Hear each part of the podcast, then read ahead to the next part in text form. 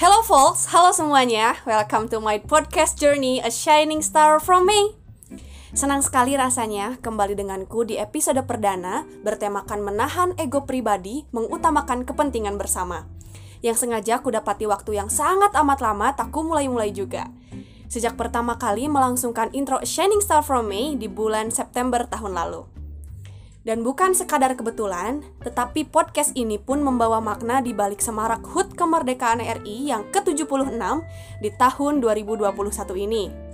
Walau di masa yang serba terbatas, di masa pandemi COVID-19, bahkan di hari ini masih dalam tahap pemberlakuan pembatasan kegiatan masyarakat yang tentunya berkaitan dengan tema Shining Star from May kali ini karena kita akan membahas bagaimana impact atau dampak yang dirasakan dari kacamata para penyintas COVID-19 yang akan menceritakan ceritanya melawan ego untuk mengutamakan kepentingan bersama.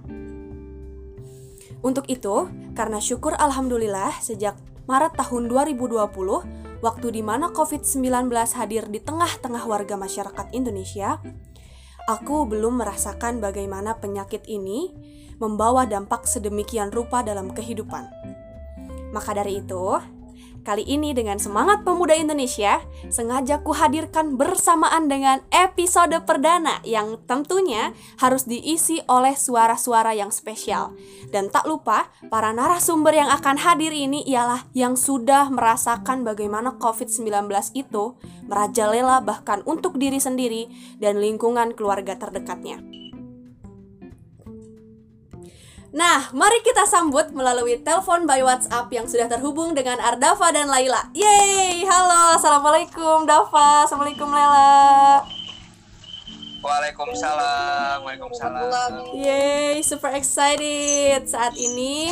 Um, aku ingin berbincang ria dengan kedua sahabat terdekat. Salah duanya ini ialah Ardafa dan Laila. Nah, sebelumnya aku ingin mengulik sedikit nih tentang kedua sobatku ini.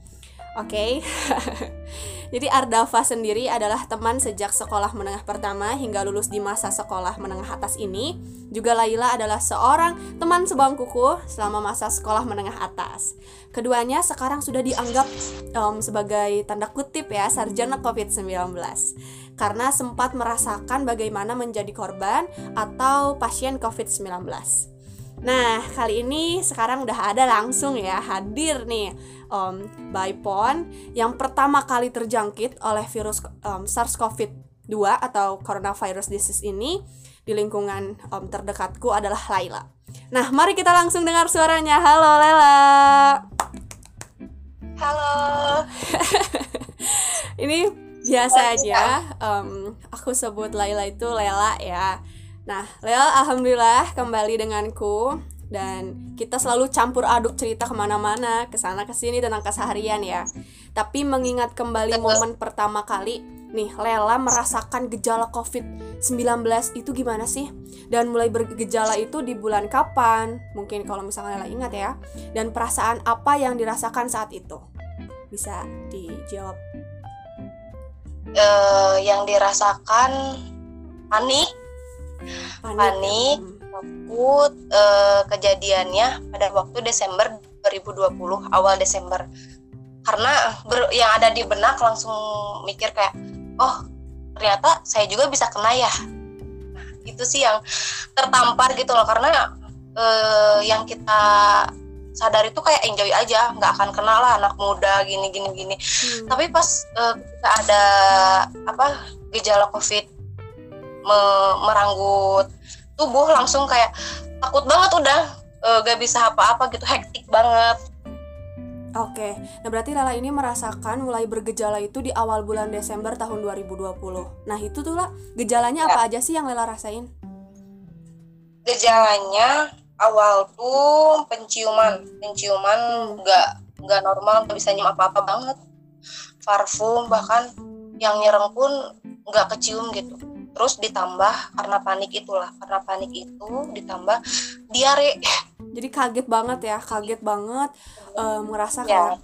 kok bisa gitu aku masih usia uh, masih muda masih usianya masih remaja tapi bisa kena juga nih covid 19 ya lah ya ya Nah terus nih lah saat setelah tes swab antigen, jadi Lala um, swab kan ya pasti ya. Langsung nih Lala, langsung swab. PCR ya, langsung PCR. Dan ngelihat kenyataan gitu kalau misalkan Lela ini positif COVID. Dan lalu apa sih yang terbesit dalam diri Lela selain tadi kaget ya? Dan menurut Lela nih penyebabnya Lela bisa terjangkit virus COVID ini apa? Yang pertama nangis dulu ya, karena yeah, yeah. nangis dulu yang nggak percaya sih uh, karena itu di situ pas di swabnya tuh jadi udah recovery gitu kan mm-hmm. udah pemulihan dari sakit terus uh, yakin lah yakin nggak akan akan positif dan penciuman kan dulu dari dulu udah ada ya penciuman hilang. Mikirnya kan dari, uh, kayak gitu ya nah pas tahu di swab ternyata masih positif ya nangis sih langsung dan tadi uh, penyebabnya itulah. Nah untuk penyebabnya gimana tuh? Penyebabnya gara-gara uh, kurang menjaga prokes dan lalai sih lalai lalai, lalai ya. Jadi Lala memang merasa lalai. Dari diri sendiri memang lalai gitu ya dalam menerapkan ya. um, protokol kesehatan. Nah jadi ini pembelajaran Boleh berharga juga ya lah ya ya betul. Pembelajaran banget jadi Mei hmm? boleh cerita nggak itu teh gara-gara itu tuh gara-gara mau diet sosok diet gitu kan? Oke. okay. dietnya tuh yang nggak makan nasi. Nah hmm. sedangkan aktivitas aktivitas di luar tuh kan boleh ya e, dari pagi pagi ada agenda siang ada agenda sore ada agenda malam ada nah terus kosong perut ya itu mulai sakit ringan kayak demam gitu gitulah baru aja itu sih yang lainnya dari situ terus kan e, ya merasa aman aja diri Ya, oke. Okay. Nah, Lel, um, tadi yang Lela udah um, sampaikan sebelumnya ya. Lela ini kan biasanya selalu aktif, selalu full agenda gitu ya, mengajar ngaji, selalu aktif di lingkungan masjid dan lingkungan rumah dan sebagainya ya. Lalu gimana sih caranya Lela untuk meredam atau menahan ego Lela sendiri yang biasanya sering berkegiatan nih keluar rumah, tapi justru malah harus merasakan hampir tiga minggu lamanya menahan ego untuk gak bepergian, gak kumpul-kumpul, um, dan sebagainya gitu. Jadi apa yang ada di pikiran Lela untuk meredam atau menahan ego dan juga apa yang dilakukan selama Lela isolasi mandiri. Oke, okay. pertama dari ego dulu. Nah, ego tuh kan uh, berarti kita harus bisa nerima dulu nih. Nerima yeah. kalau misalkan saya itu uh, kondisinya positif, ya. Positif. Harus bisa nerima sama kondisi diri dulu. Terus dialihinnya uh, untuk meredam ego itu uh, cari hal yang kita sukai apa gitu hmm, gitu di rumah. iya, iya, iya. happy happy kayak misalkan uh, telepon sama teman kan jarang ya karena uh, sibuknya waktu kita aktivitas. Terus uh, beli sesuatu yang bisa nyenengin itu sih yang buat kita betah uh, untuk di rumah dan meredam ego buat nggak keluar dulu gitu loh. Karena itu kan membahayakannya bukan membahayakan ke orang banyak gitu bukan ke diri kita aja gitu loh. Mudorotnya lebih banyak gitu. kalau kita sampai uh, apa mengedepankan ego kita gitu. Jadi dialihinnya ya cari hal yang bikin kita senang teh apa di rumah. Oke. Okay. gitu. Nah terus apa aja nih lah yang dilakukan selama isolasi mandiri nih buat Ella sendiri? Kali aktivitasnya ya main HP main HP cari yang um, bikin semangat ya kan? Pasti. Ya betul. Hmm. nyari lucu. Terus Aji sih Aji di rumah. Keren banget ya. Oke okay, berarti ya, um, buat Ella sendiri nih um, untuk yang meredam atau misalkan menahan egonya sendiri itu kan berarti berarti kan um, Lela itu punya waktu lebih lama ya kan lah ya untuk mengenal diri sendiri, oh. terus juga Lela punya waktu lebih lama untuk um, mencoba untuk apa ya, mencari hal-hal yang baru, tapi juga challenging ya pasti uh, penuh tantangan ya, apalagi lagi um, isolasi mandiri, tapi juga harus uh, penuh tekanan, tapi harus um, happy gitu kan ya, artinya Lela um, mengalihkannya dengan um, mencari hal-hal yang positif. Ih keren Betul. banget nih. Nah terakhir nih lah, um, pesan apa sih yang ingin Lela sampaikan pada warga masyarakat dalam memutus mata rantai COVID-19 ini? Uh, 4M. Ini penting sih ini penting banget banget ya mencuci tangan memakai masker menjaga jarak sama menjauhi kerumunan karena itu yang udah uh, di kesalahan saya itu kelalaian saya ya ini nggak menerapkan 4M ini. Jadi ini sangat penting. Hmm. sip sip sip sip. Oke baik. Terima kasih banyak Lela. Jadi um, pada intinya nih pesan yang dari Lela itu adalah tetap jaga um, apa ya protokol kesehatan yang berlaku Betul. yang diterapkan oleh pemerintah itu tuh nggak merugikan kita sama sekali. Malah itu adalah uh, bentuk untuk uh, menjaga kita semua menjaga seluruh warga masyarakat. Dan Lela sendiri tadi yang sudah menyampaikan betapa uh, apa ya virus COVID-19 ini tuh amat sangat sulit dilalui gitu. Jadi jangan sampai teman-teman um, memanjangkan mata rantai COVID-19 ini dengan tidak um, menerapkan protokol kesehatan. Nah, sip. Terima kasih banyak, Lela. Oke, nah kita lang langsung lanjut aja. Kita dengarkan perspektif dari Bung Ardava atau yang biasa dipanggil Dava nih, yang baru saja meraih um, dengan tanda kutip ya gelar sarjana COVID-19-nya di bulan lalu. Mari kita dengarkan langsung dari orangnya. Hai Dava. Halo Mei. Halo. Gimana sehat? Sehat. Alhamdulillah. Alhamdulillah um, sama Gimana, juga. Mei? Aku pun ingin bertanya gimana, ya. Gimana? Aku ingin bertanya tentang um, mengingat lagi nih kembali momen pertama kali Dava merasakan gejala COVID-19 itu gimana sih? Dan mulai bergejalanya kapan gitu dan apa yang dirasakan? Hmm, kalau waktu awal kerasanya sih waktu bulan Juli ya. Waktu pertama kali ngerasain sebenarnya waktu itu nggak nyangka juga sih eh, nggak uh, berpikiran ke sana waktu uh, bakal dapat COVID-19. Soalnya awalnya tuh dari batuk dulu, agak sesak nafas, terus minum obat kan. Nah pas waktu minum obat itu malam itu langsung demam, terus yang disebutin sama dokter tentang gejala-gejala COVID langsung keluar di sana waktu malam deh jam tigaan subuh subuh tuh mulai kerasa langsung semua gejala-gejalanya gitu sih Mei. Hmm, berarti Dava ini baru banget merasakan COVID itu di bulan yang lalu ya Dav ya? Iya, Juli awal waktu awal PPKM. Oke. Nah, lalu nih Dav, berarti setelah kamu PCR gitu dan melihat kayak di aku dinyatakan positif COVID, COVID gitu, ya? gitu ya.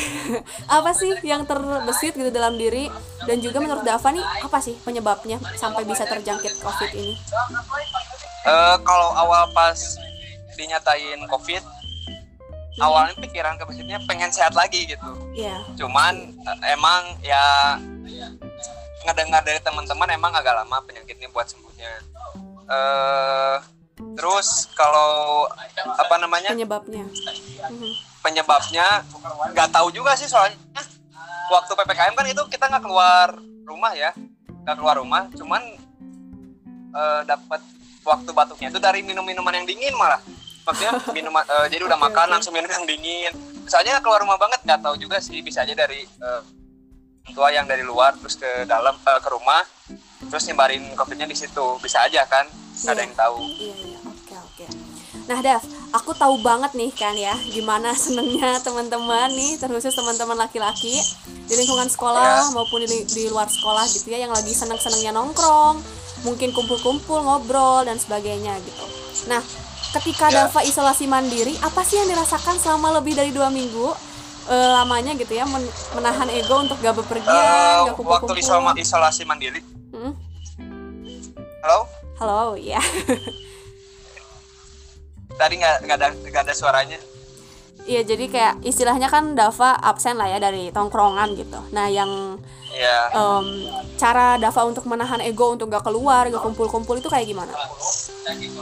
Kalau uh, waktu itu kan sakitnya lumayan bukan parah sih maksudnya gak bisa ngapa-ngapain lah dalam artian kalau itu nggak nggak terbesit sih buat nongkrong nongkrong atau main keluar. Yang waktu itu uh, pikiran pertamanya satu cuman sehat pulih lagi gitu doang sih. Nggak ada kepikiran buat uh, main keluar uh, ataupun nongkrong nongkrong kayak tadi disebutin. Yeah, yeah. Uh, soalnya apa ya dah kita main juga kalau nggak sehat mah gak nikmat ya apa pun kalau yang nggak Iya. sehat gak nikmat gitu makanya mikiran pertama wah pokoknya sehat dulu aja urusan main mah pengen ketinggalan informasi atau apa pun yang penting sehat dulu aja sih itu aja sih produk Oke. Nah, jadi em, apa aja sih yang Dava lakuin selama isolasi mandiri? kalau la- dilakuin isolasi mandiri eh, waktu penyembuhan gitu maksudnya Iya iya betul. waktu penyembuhan sih eh, pertama minum obat itu pastilah minum obat ini. Tapi di luar minum obat eh, aku rutin minum-minum eh, kayak madu lemon eh, madu lemon dicampurin kayak gitu. Terus kayak minum air hangat eh, makan juga tepat waktu. Soalnya sebelum kena covid itu makannya sanggenahna lah eh, seenaknya gitu.